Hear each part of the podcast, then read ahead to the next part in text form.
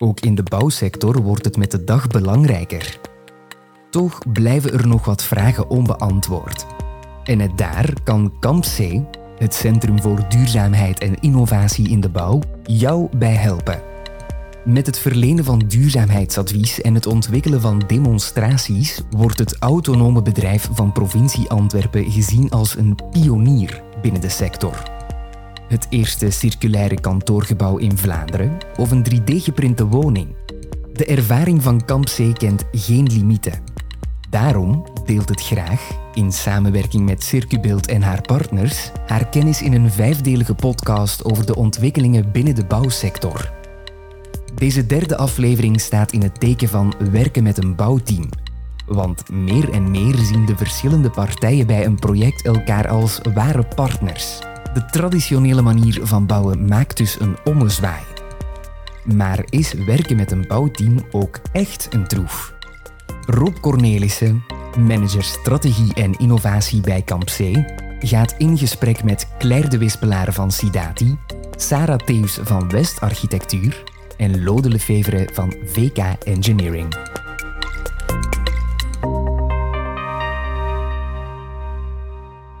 Welkom iedereen.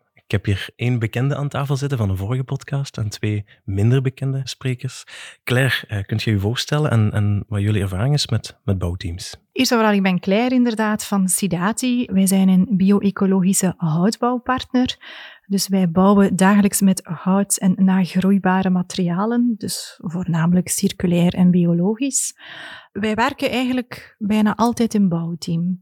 Ik ben eigenlijk een beetje blij dat het begrip bouwteam er is, want ik denk dat wij dat altijd al hebben gedaan. Als wij onszelf voorstelden, dan waren wij het bouwbedrijf die zeker aangaf van als je een partner wilt die zijn mening gaat zeggen en die mee keuzes wilt maken, heb aan ons veel.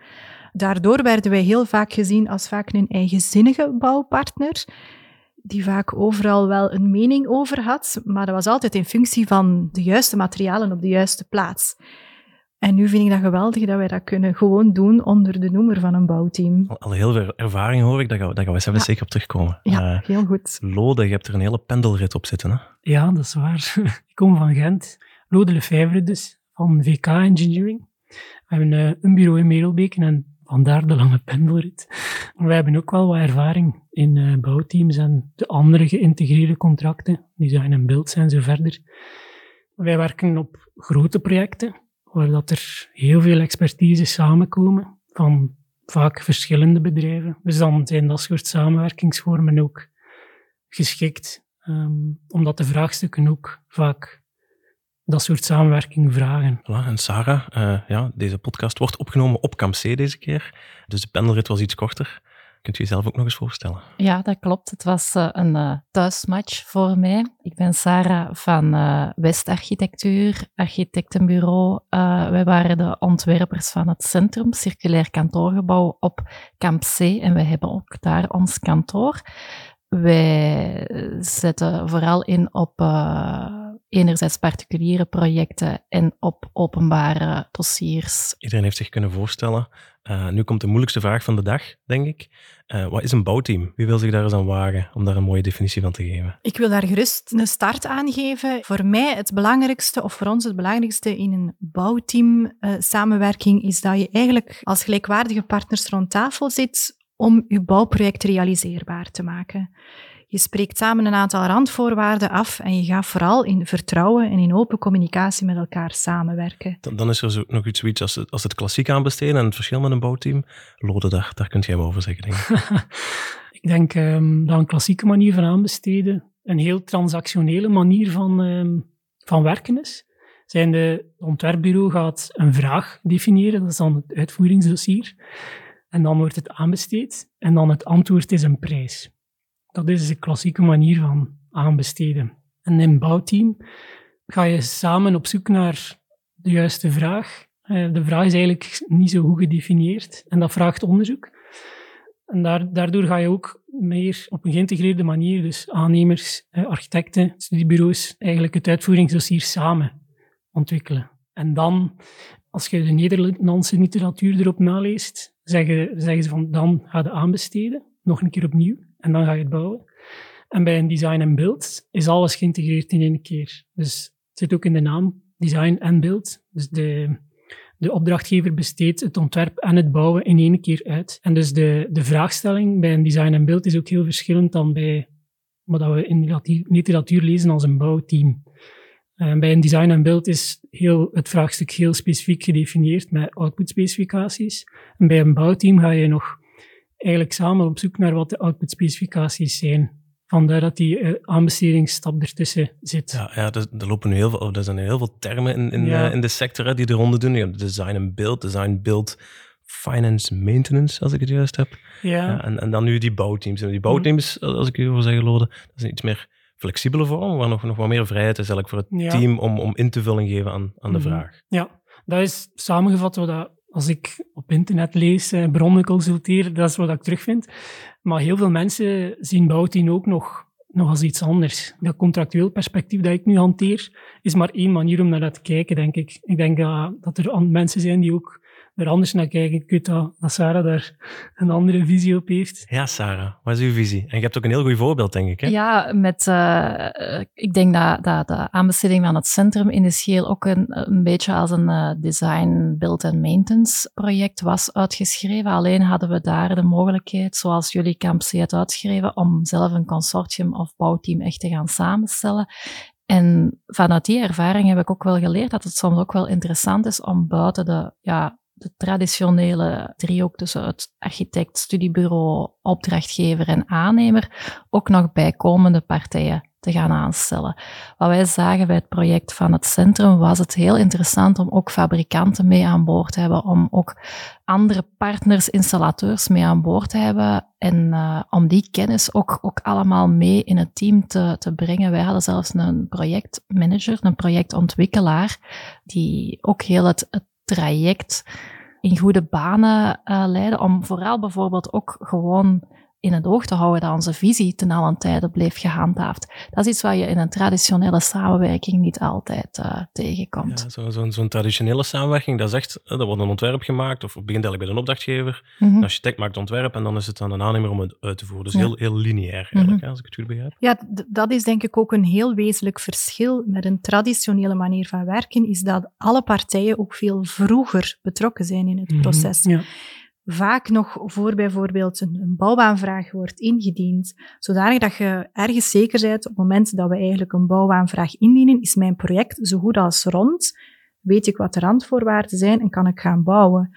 Dus je gaat veel sneller de mensen eigenlijk betrekken in het proces, zodanig dat qua materialisatie keuzes kunnen gemaakt worden, maar met heel veel respect voor het ontwerp. Ja, allee, ik, kan mij, kan mij ook wel vinden in, in wat jij zegt. Uh, het gaat uiteindelijk om de mindset. Hè.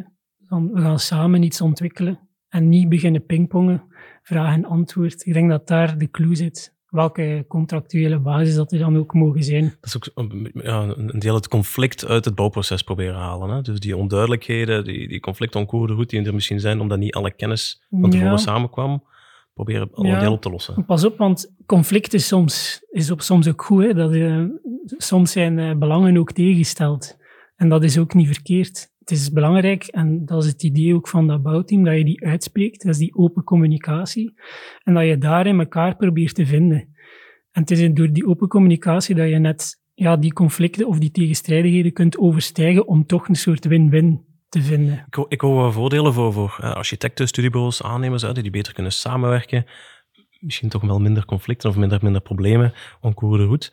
Zijn, zijn er ook voordelen voor, voor de opdrachtgevers? Ik denk het belangrijkste voordeel voor een opdrachtgever is dat hij de garantie krijgt dat zijn bouwproject op een, op een efficiënte manier tot stand komt. En dat eigenlijk kwaliteit versus de prijs aan elkaar direct gebonden is. er is een budget en dan kan de bouwheer eigenlijk er zeker van zijn dat we daar alles uithalen om je project zo goed mogelijk te realiseren. Daarnaast door het feit dat je gaat samenwerken, dat, dat iedereen eigenlijk op eenzelfde niveau met elkaar samenwerkt, voelde ook heel snel dat een bouwheer veel meer vertrouwen geeft in die groep. Terwijl vroeger, of in het, het klassieke proces, staat allemaal naast elkaar. En wordt er vaak met argusogen soms wel eens gekeken. En er is, hij is deel van de groep. Hij staat daar niet naast. Als je start in bouwteam, wordt eigenlijk de bouwheer ook veel meer betrokken in de keuzes die gemaakt worden en dergelijke. Dat is ook een groot verschil met design en beeld, omdat op dat moment besteed je je opdracht uit en kun je eigenlijk alleen maar op bepaalde momenten verifiëren. En bij een bouwteam zijn eigenlijk wel integraal deel. In de praktijk is dat, je werkt dan een beetje gelijkaardig, maar puur in het contract zeg je gewoon, dit is wat mijn uitputspecificatie is, hoe heb ik het gedefinieerd. En dan is het alleen maar volgens uw, uw bestek te verifiëren dat de oplossing die je dan in de bus krijgt, dat die voldoet aan uw specificaties. Wat ik daar nog kan aan aanvullen is, bij een start worden ook de randvoorwaarden besproken, zoals timing, budgets. En timing en budget is ook een verantwoordelijkheid voor de hele groep. Dus de bouwheer kan er ook min of meer toch zeker ervan zijn dat op een bepaald moment ook echt wordt gebouwd, dat op een bepaald moment ook echt opgeleverd wordt, volgens de afspraken die er eigenlijk bij het begin gemaakt zijn. En dat is wel een, ik vind dat zelf een groot voordeel voor de bouwheer. Tuurlijk, voor, voor alle bouwprojecten en eens naar een bouwteam gaan is, is misschien niet zo interessant. Sarah, was, was voor jullie het centrum de eerste kennismaking met een bouwteam en Gaan jullie dat vanaf nu altijd doen? Of hangt dat nog af van bepaalde parameters, complexiteit of zo? Ik denk dat het zeker heel interessant kan zijn voor, voor projecten die een bepaalde innovatie of complexiteit vragen. Omdat we heel vaak in traditionele opstellingen gaan wij als architect een, een bestek voorschrijven. En eigenlijk bepalen we dan heel vaak in een volgtraject hoe dat we verwachten dat de, dat de uitvoerder of aannemer het gaat doen. Wat wil ook zeggen dat we op dat moment beperkt zijn tot onze eigen kennis. En dat hebben we bijvoorbeeld in het centrum gemerkt, dat we door kennis van ingenieur, van, van uh, fabrikanten, van aannemer te gaan samenleggen, veel sneller tot concrete en haalbare oplossingen kwamen. En dat zien we nu ook als we, als we gaan nadenken over alternatieve woonvormen, over uh, levenslang wonen, meegroeiwoningen. Dan moeten we vaststellen dat we als architect heel goed zijn in het concept uitwerken, maar misschien niet in de praktische uitwerking. Dus ik zou voor dergelijke projecten heel graag beroep doen op een bouwteam. Langs de andere kant zien we ook dat er misschien soms ook nog beperkte kennis is bij, overheden die de aanbestedingen moeten uitschrijven. En misschien ergens ook de angst om budgetten te laten ontsporen. En dat zijn ja, zaken die dat we ja, ook nog wel moeten coveren als we daarmee verder mhm. gaan. dat was ook eentje dat ik aan dacht toen, toen Claire net antwoord was, dat dat bouwteam ook wel echt een meerwaarde kan zijn voor die bouwweer, als die nog niet goed weet wat hij precies met een patrimonium wil doen of welke vraag dat hij moet stellen. De klassieke manier is dat hij um, een haalbaarheidsstudie laat doen door een, een ingenieursbureau. Wat zijn de draagkrachten van die structuur? Een bouwtechnische analyse, hoe ziet die gevel eruit? Uh, dan misschien een erfgoedanalyse. En dat zijn allemaal aparte kotjes. Maar het voordeel van dat bouwteam, en dat is ook wat Sarah net zegt, is dat die allemaal samen zitten. En het is dat integrale daarvan dat volgens mij de meerwaarde is. Dat is soms moeilijk om toe te geven, denk ik, als opdrachtgever. Van, ja, eigenlijk weten we nog niet zo goed wat we willen. Maar, uh, maar hier is toch een som geld en, en, en, en stel maar iets voor. Dus dat is mhm. een deel vertrouwen geven. Ik hoor je zeggen, Sarah, eh, lokale overheden zijn er misschien nog niet zo vertrouwd mee. Mhm. Als je een percentage op moet plakken, hoeveel, hoeveel procent van de opdrachtgevers is, stelt al ooit een bouwteam aan? op dit moment zien we wel een kleine omschakeling naar de design- en beeld opdrachten, merk ik, in, het, uh, in de scope waar dat wij in werken. Maar het gros is nog heel traditioneel traditionele aanbestedingen op prijs, waar de eerst een ontwerper wordt aangesteld en daarna we in aanbesteding gaan.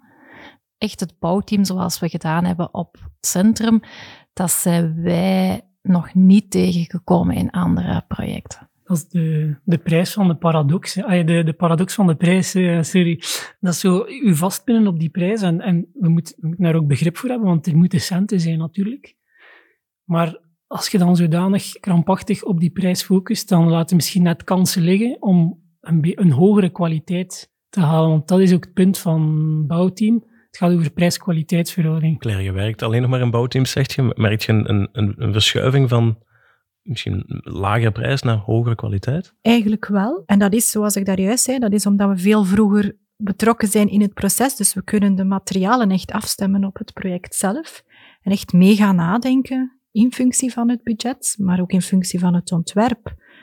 Dus ik zie daar zeker een verschuiving in in kwaliteit, omdat onze mening en expertise ook veel sneller wordt gevraagd.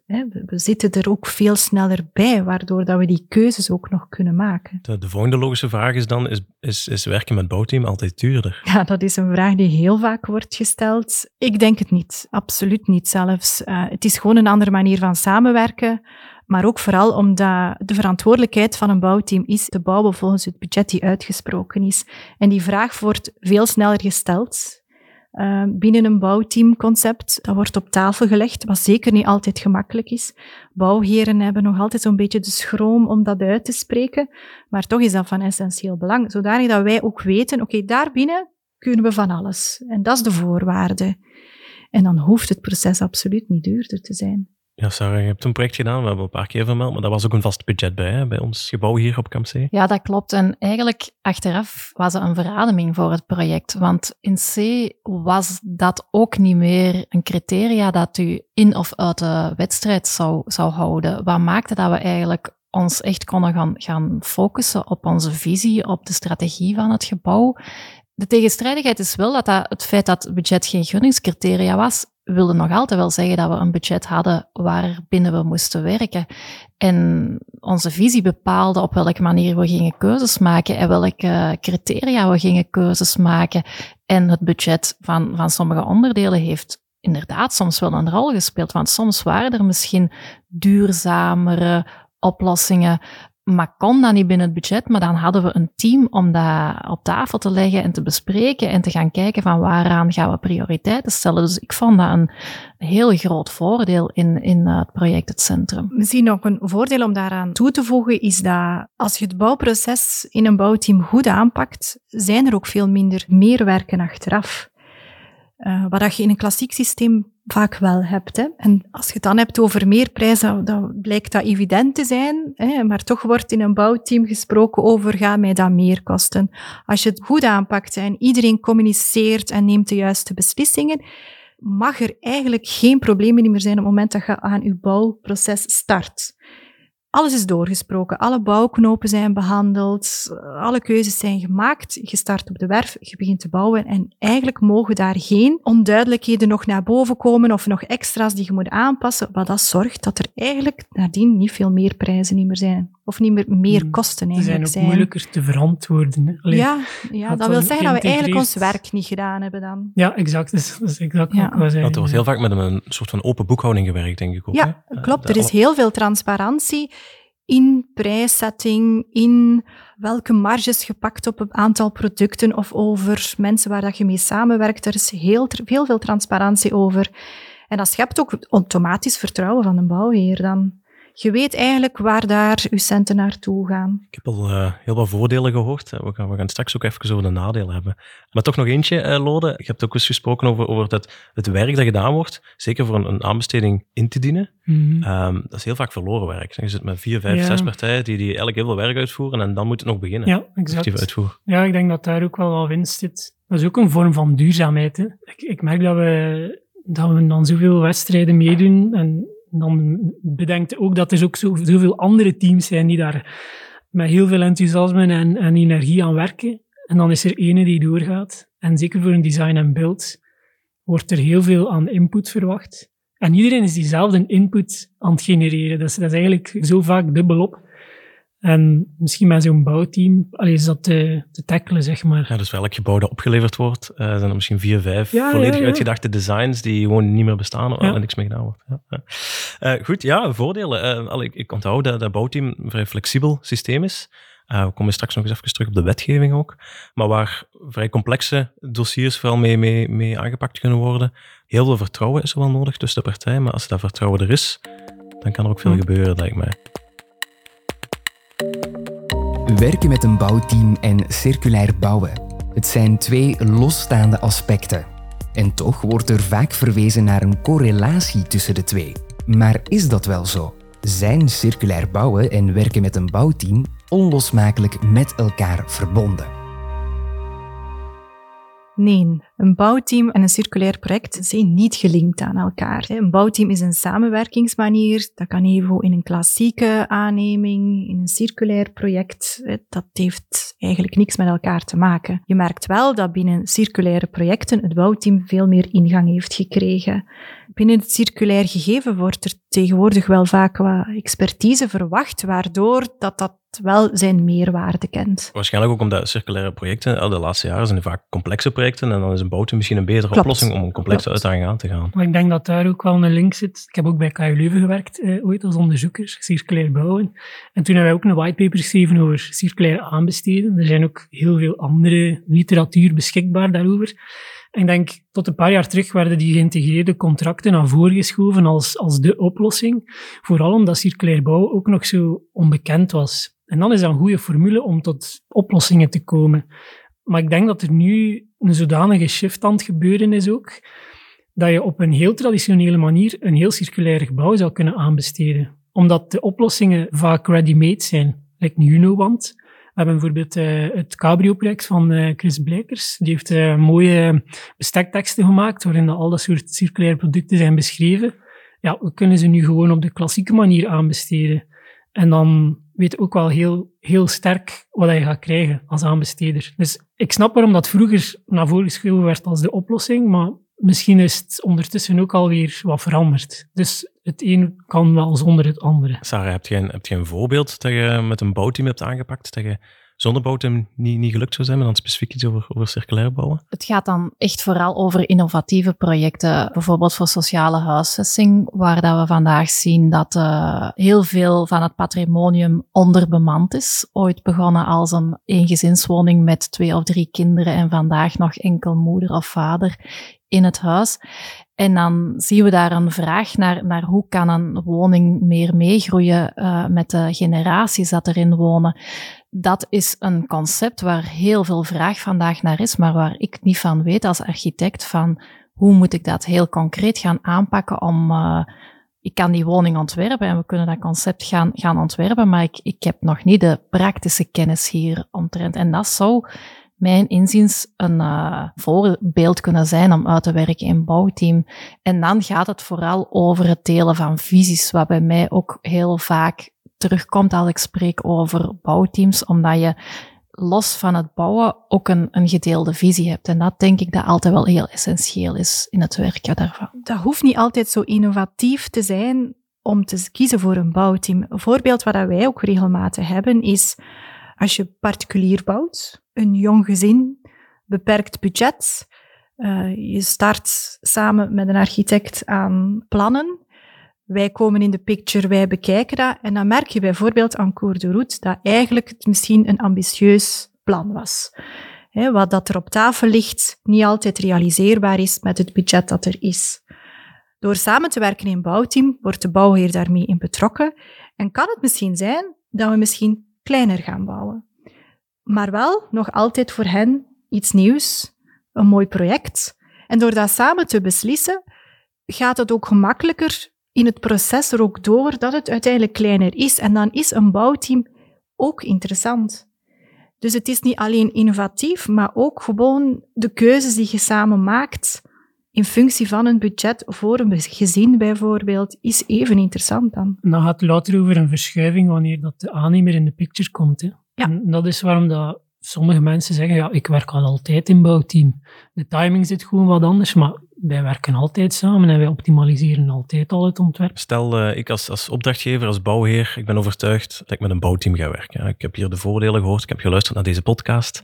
Wat, wat dan? Wat gebeurt er dan? Hoe, hoe, hoe krijgen jullie dat te zien? Hoe krijgen jullie die aanbesteding te zien? En vooral, hoe, vormen jullie, hè, als aannemer, architect, uh, studiebureau, hoe, hoe, vormen jullie dan een bouwteam? Wij merken vaak dat als een project naar ons toe komt, dat vaak ligt het initiatief bij de bouwheer en de architect is dat er vooral, je verlaat eigenlijk het klassiek systeem van offerte maken en op basis van de verschillende offertes die op tafel liggen een keuze wordt gemaakt. Dat pad verlaat je eigenlijk.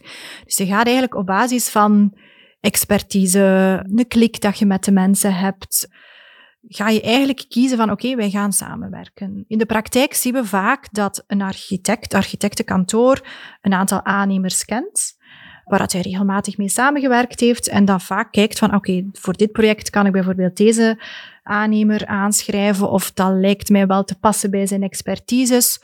Of ik denk dat dat bijvoorbeeld kan klikken met de bouwheer om daarmee samen te werken. Referentieprojecten worden bijvoorbeeld ook wel eens bezocht of opgevraagd. En op basis daarvan komt er vaak een go, we gaan samenwerken.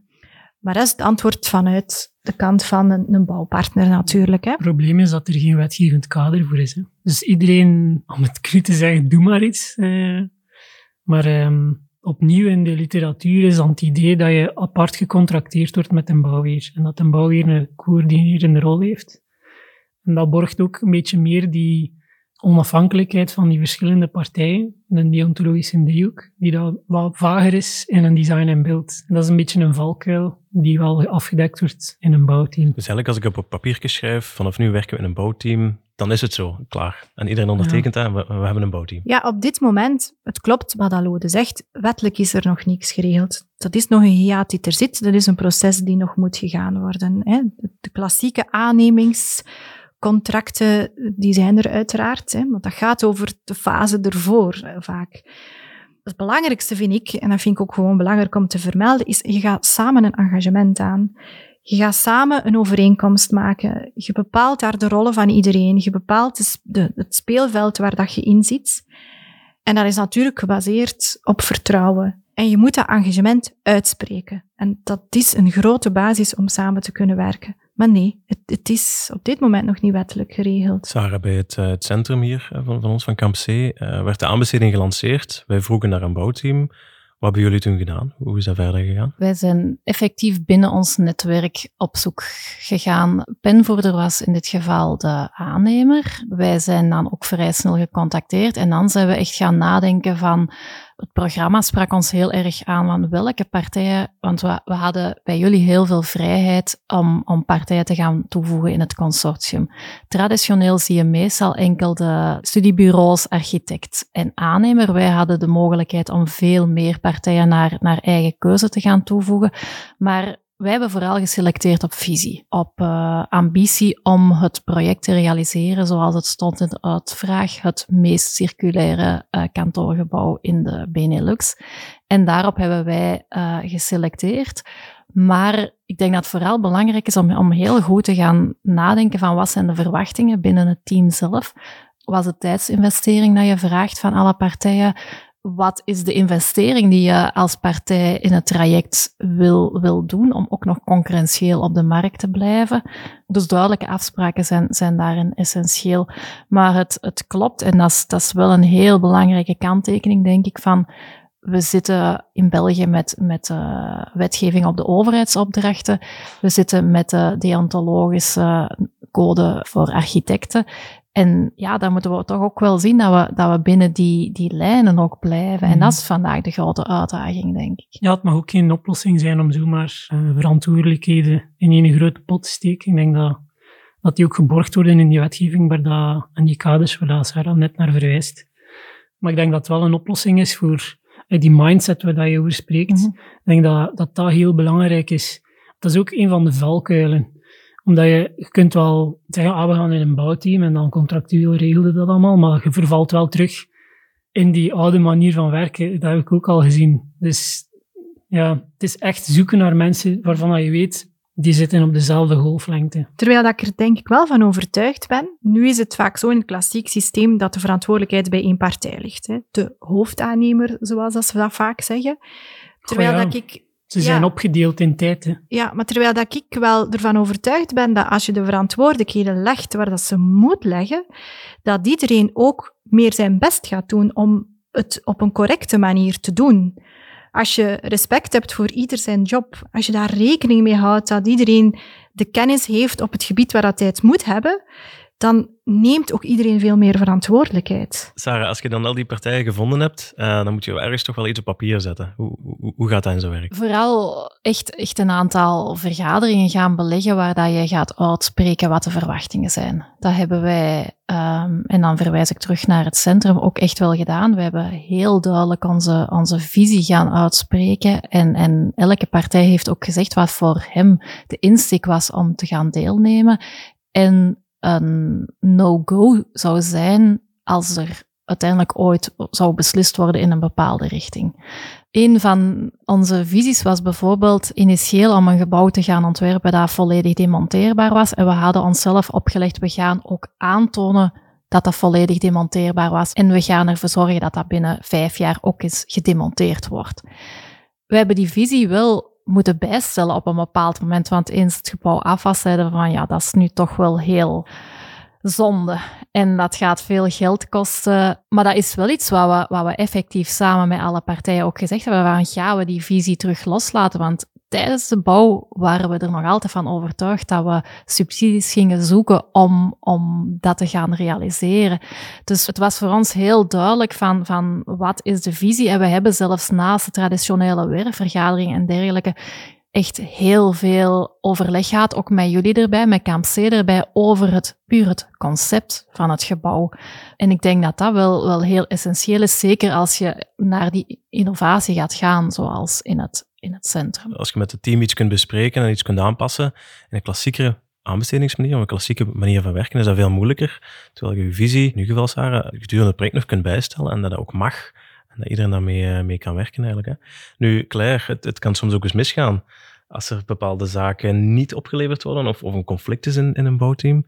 Hoe, hoe gaan jullie daarmee om? Doordat je het principe van bouwteam respecteert, moet een probleem ook gewoon bespreekbaar zijn.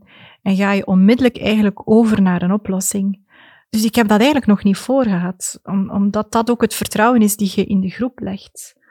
Als je dat aanhoudt, dan, dan is een probleem oplosbaar. Ja, als dat bouwteam goed werkt, dan komt het niet tot die problemen. Dat is een beetje het idee. We zitten allemaal in dezelfde boot. Maar toch denk ik dat er contractuele stipulaties moeten zijn die ja, in geval van problemen toch wel vangnetten uh, ook inbouwen. En, en dan komen we natuurlijk terug op, op de wetgeving. Hè? Uh, Hebben jullie daar uh, suggesties voor of, of weten jullie van iets dat in opmaak is? Leeft er iets op dat vlak? Ik weet dat er zo'n pocketboekje is van uh, de Vlaamse overheid. Dat bestaat al even. En er staat ja, dat is heel wel goed, al oud, hè? Dus, dat is al oud, maar er staat Ja. wel in essentie heel goed uitgelegd uh, hoe dat, uh, wat dat essentie is voor, in Vlaanderen. Maar in Nederland zijn er heel goede publicaties over.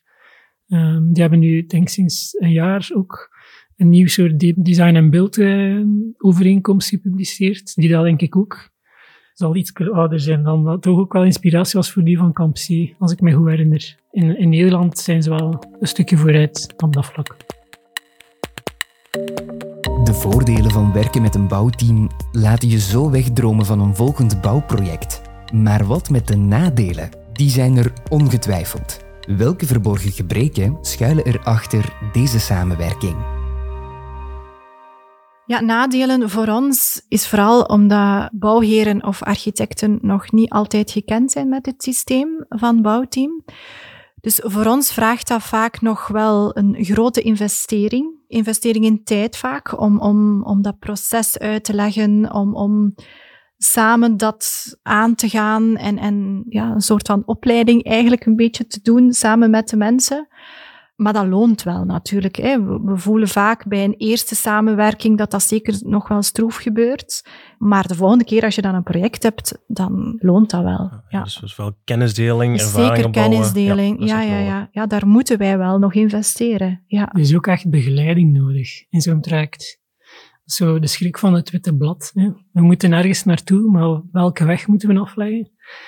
En ik heb wel wat ervaring uh, bij KU Leuven hebben we daar ook wel hard op gewerkt. Uh, we hebben daar ook een, ik heb daar ook bouwprojecten gedaan. En um, wij hadden zo bijvoorbeeld een decision chart. Dus dat is een grote Excel waar dat we de verschillende opties dat we overwogen opschreven en dan voor- en nadelen. En daar ook in documenteerden welke beslissingen dat we namen. Omdat in zo'n traject gebeuren er van alle dingen. En soms vergeten mensen dingen dat we ooit beslist hadden. Of weten we niet meer waarom dat we niet beslist hadden. Dus dat soort handvaten zijn echt nodig om dat traject af te leggen. En er is ook echt goede projectbegeleiding nodig om al die disciplines, want we moeten samenwerken, om die allemaal op een lijn te krijgen, dat, die, dat iedereen weet wat die moet doen en hoe dat die puzzelstukken in elkaar komen. Dat is echt wel iets heel belangrijk. Ja, ik, ik beaam dat volledig. Ik denk dat we ongeveer dezelfde strategie hadden bij, bij het centrum, ook rond uh, het beslissingen maken. Maar wat daarmee samenhangt, is natuurlijk vandaag zien we in heel veel verwijzen naar, naar openbare opdrachten dat er, zoals Lode daar straks ook al even heeft aangehaald, er wordt heel veel vooraf bepaald. In de wedstrijdfase komt er een ontwerp, gebeurt er al een volledige studie van technieken, stabiliteit. En als we echt gaan op een andere manier daar gaan kijken en, en we gaan ervan uit dat er heel veel kennis in het bouwteam en het traject dat nog moet komen ligt, vergt dat ook van een opdrachtgever om een opdracht te gaan toewijzen op het moment dat er misschien nog geen uitgewerkt ontwerp op tafel ligt. Ja, je moet kunnen loslaten voor een stuk. Ja, je gaat, je gaat meer selecteren op basis van, van een visie en een plan van aanpak. En je moet er op dat moment als opdrachtgever vertrouwen in hebben dat het gaat gerealiseerd worden binnen jouw vooropgestelde budget. En dat is wel een heel andere mindset dan het vandaag de dag is. Er ook nog eens rekening mee houden dat het wettelijk kader daar rond nog wat ontbreekt. Is dat een hele grote stap voor opdrachtgevers om het zo te gaan doen. En daarin zit de link met die output-specificaties, waar ik al een paar keer op, op gehamerd heb. Dus je moet dan wel voor een stuk borgen in je, in je aanbesteding dat je gaat krijgen wat je wilt als bouwer. En dat is echt, dat is echt moeilijk. En dat hebben jullie bij het Camp C, bij Camp C ook uh, in een mooie, mooie aanbesteding. Ik heb die documenten toen uh, mogen inkijken. Dat is echt wel een moeilijke oefening om los te laten, maar toch genoeg in te bouwen dat zal zijn wat je had gehoopt. Als opdrachtgever zijn er verschillende partijen op de markt die, die ons kunnen begeleiden in het opstellen van een aanbesteding, het uitwerken van de opdracht. Maar als bouwteam kan je dan ook bepaalde begeleiding in, inhuren of, of zoeken die, die uh, kan begeleiden het proces van het opstellen van een bouwteam en, de uitvoerder van Loden. Ja, ik denk dat er zeker partijen op de markt zijn die, die daarop inzetten. Het is ook, ik, heb het, ik heb het al gezegd, het is heel belangrijk, zeker in zo'n bouwteam, zeker met circulaire ambities, om die lijn goed uit te zetten. Er zijn ook projecten waar dat misschien soms vergeten wordt, dat dat belangrijk is. Uh, alles is al in kan en kruiken met die, die wedstrijd. En dan beginnen we eraan om het uh, verder uit te werken, maar dan wordt vergeten dat er toch nog heel veel vraagstukken zijn. Dus soms in, in bepaalde teams wordt er dan iemand naar voren geschoven die dat al moet doen, maar die misschien niet juist uh, dat zijn allemaal heel complexe dingen, lijkt mij. Al die expertise samenbrengen, dat is wel echt een moeilijke opdracht. Langs de andere kant is het ook wel gewoon interessant om te zeggen dat die projectmanager of die projectbegeleider mhm. ook wel een heel interessante partij aan tafel wordt, ja, denk ja, ik. zeker. Heb je daar uh, een voorbeeld van of een, een uh, concrete ja, case? Wij, wij hadden die uh, projectmanager ook in ons team voor het centrum. dat was Ten in dat geval. Uh, en zeker in uh, ontwerpfase, in het uitwerken van de visie en de maatregelen, hebben zij dat toch wel een heel belangrijke rol in gespeeld. Hm. Wij hebben nu recent ook een project gehad waar er ook zo een partij mee het proces bewaakt. En dat is heel waardevol, hè, omdat hij die rol dan echt kan opnemen van wat is de visie, waar willen we naartoe, wat zijn die, die randvoorwaarden om binnen te werken de procesbegeleiding eigenlijk, of het proces goed begeleiden, is heel waardevol in dit gegeven van bouwteam. Ik vraag me dan af, was dat vroeger niet de taak van een architect? Ja, dat is de discussie die vaak wordt gelegd. Hè, van, um, wij voelen ook vaak dat, een, dat, Sarah, misschien is dat bij jullie niet zo, maar dat een architect soms nog wel vaak zegt van, goh, dat is een rol die ik misschien niet altijd wil nemen. Hè, want dat hmm. vraagt veel overlegmomenten, vaak veel communicatie. In de praktijk zien wij dan dat dat soms ook wel eens bij ons terechtkomt dan. Nu, op dit moment doen wij dat nog graag, omdat we vinden dat dat hè, zijn ingang moet krijgen. Dus dat is zeker ook nog iets waarover nagedacht kan mm. worden. Het is wel, ja, je krijgt zo'n versnippering van expertise. Heel veel mensen. En op den duur wordt het dan, zeker met zo'n partijen, is dan niet meer de deontologische driehoek, maar dan wordt het meer een, een veelhoek in praktijk.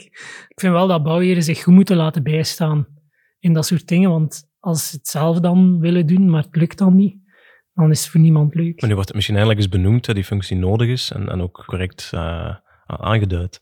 Ja, zeker in geval van zeer hoge duurzaamheids- of circulariteitsambities. Ik haal nog even een, een heikeler punt aan, uh, Sarah. Uh, je hebt zoiets als de deontologische code. Uh, de, de, rol van de architect is heel juist omschreven. We hebben het al even gehad over wetgeving. Gaat daar iets in moeten veranderen? willen we daar, dat er iets in verandert? Wat mij betreft kan die code perfect ge, gehandhaafd worden in een bouwteam. Op voorwaarde dat er duidelijke afspraken zijn. En dat de partijen ook wel, wel heel goed weten wat de verantwoordelijkheden van, van elke partij zijn en binnen welke krijtlijnen we kunnen gaan uh, functioneren. En dus wat mij betreft hoeft die, hoeft die zeker niet, niet op de schop of, of afgevoerd worden, want ik denk dat die ook nog altijd wel heel waardevol kan zijn. Ja, ik, ik, ik moet dat echt niet zien als iets beperkend.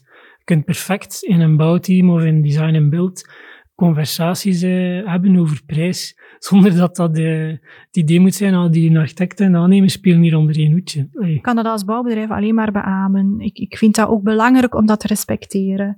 Ik denk dat dat niet kwaad kan, dat er toch altijd vanuit een bepaalde visie daarnaar gekeken blijft worden. Jawel, ik kan dat... Ook wij hebben daar absoluut geen probleem mee. Lode, ik hoor spreken over prijs. Als opdrachtgever zou je heel snel kunnen denken, oké, ik heb hier een budget en nu kiest het bouwteam, waar ik zelf onderdeel van ben, wat we daarmee gaan doen. Oh, dat gaat sowieso duurder uitkomen. Maar ik heb u een heel interessant drie-letterwoord uh, horen gebruiken daar straks. Eh, TCO. Kun je daar iets over zeggen? Oh ja, uh, total cost of ownership. En ik denk dat daar ook een grote link zit met circulariteit. Hè. Dat is niet alleen die investeringskost, maar de kost over de hele levensduur van uw gebouw. En dan komt het tot, ja, wat is een duur gebouw? Ja, als het duur is om te bouwen, maar je hebt minder kosten tijdens het leven, dan ja, is het dan wel uh, dan is het een goedkoper gebouw, lijkt mij. Het is hetzelfde, die, die total cost, als we het dan over milieukosten hebben, dat is ook een link met circulariteit. Die moeten ook in acht nemen. We hebben ook milieukosten met ons gebouw. En die moeten ook, dus niet alleen de investering, maar ook wat gebeurt er op het einde van de levensduur met ons gebouw. En dat zijn allemaal dingen waar dat je beter kunt over nadenken in, zo'n bouwteam, denk ik. We hebben heel veel gehoord over bouwteams. Uh, wat wel is, wat niet is. Er is nog veel, ik mag zeggen, onduidelijkheid over, zeker in wetgeving. Maar ik onthoud dat het wel een manier is om, om beter samen te werken. Zowel voor een opdrachtgever, die uh, moet durven loslaten van naar specifieke eisen te stellen en het vertrouwen te geven aan het team. En ook in het team zelf meer betere communicatie, betere oplossingen zelfs maar dat er nog veel kennisdeling nodig is om, om het, om het, om het uh, bekend te maken. Vandaar ook mijn laatste vraag aan jullie. Een gouden tip om enerzijds bouwteams misschien bekender te maken, maar ook uh, aan de luisteraar vanuit jullie eigen achtergrond. En we beginnen bij Claire. Ik vind het vooral belangrijk om te benoemen, erken en waardeer de vaardigheden van iedereen die aan tafel zit. Automatisch gaat het tot veel innovatievere oplossingen komen, maar ook een veel inclusievere samenwerking um, gooi het hiërarchische manier van werken gewoon overboord. En automatisch komt het tot een veel fijnere samenwerking en veel meer werkplezier. Lode. Ik wil een shout-out doen aan mijn collega Niels Balkaan. De waarheid werkt ontwapenend. Open communicatie kan zo heel eenvoudig dingen oplossen. En dan Sarah? Ik uh, sluit me aan bij hetgeen wat er al gezegd is, maar ik wil vooral ook uh, zeggen aan opdrachtgevers die bijvoorbeeld in openbare dossiers een uh, opdracht voor een bouwteam willen uitschrijven, laat u in het voortraject begeleiden door een partij die weet hoe het allemaal in elkaar zit, zodanig dat het dossier, het aanbestedingsdossier, ook sterk is. Dankjewel allemaal. Graag gedaan. Werken met een bouwteam kan dus heel wat opleveren. Een inclusievere samenwerking, innovatievere oplossingen, proactief problemen opsporen, maar vooral elkaar kennis bijbrengen. En dat willen Campsey en Circubeeld ook met deze vijfdelige podcastreeks. Ben je benieuwd naar meer innovatieve en duurzame bouwmethoden? Beluister dan ook de andere afleveringen of leer een nieuwe podcast kennen op de kanalen van Circubeeld. Wil je een rondleiding rond duurzaam bouwen of duurzaamheidsadvies voor jouw volgende bouwproject? Surf dan naar www.kampc.be. Deze podcastproductie was in handen van Palindroom, Bono Marting en mezelf, Laurens Bervoets van Hoorstroom.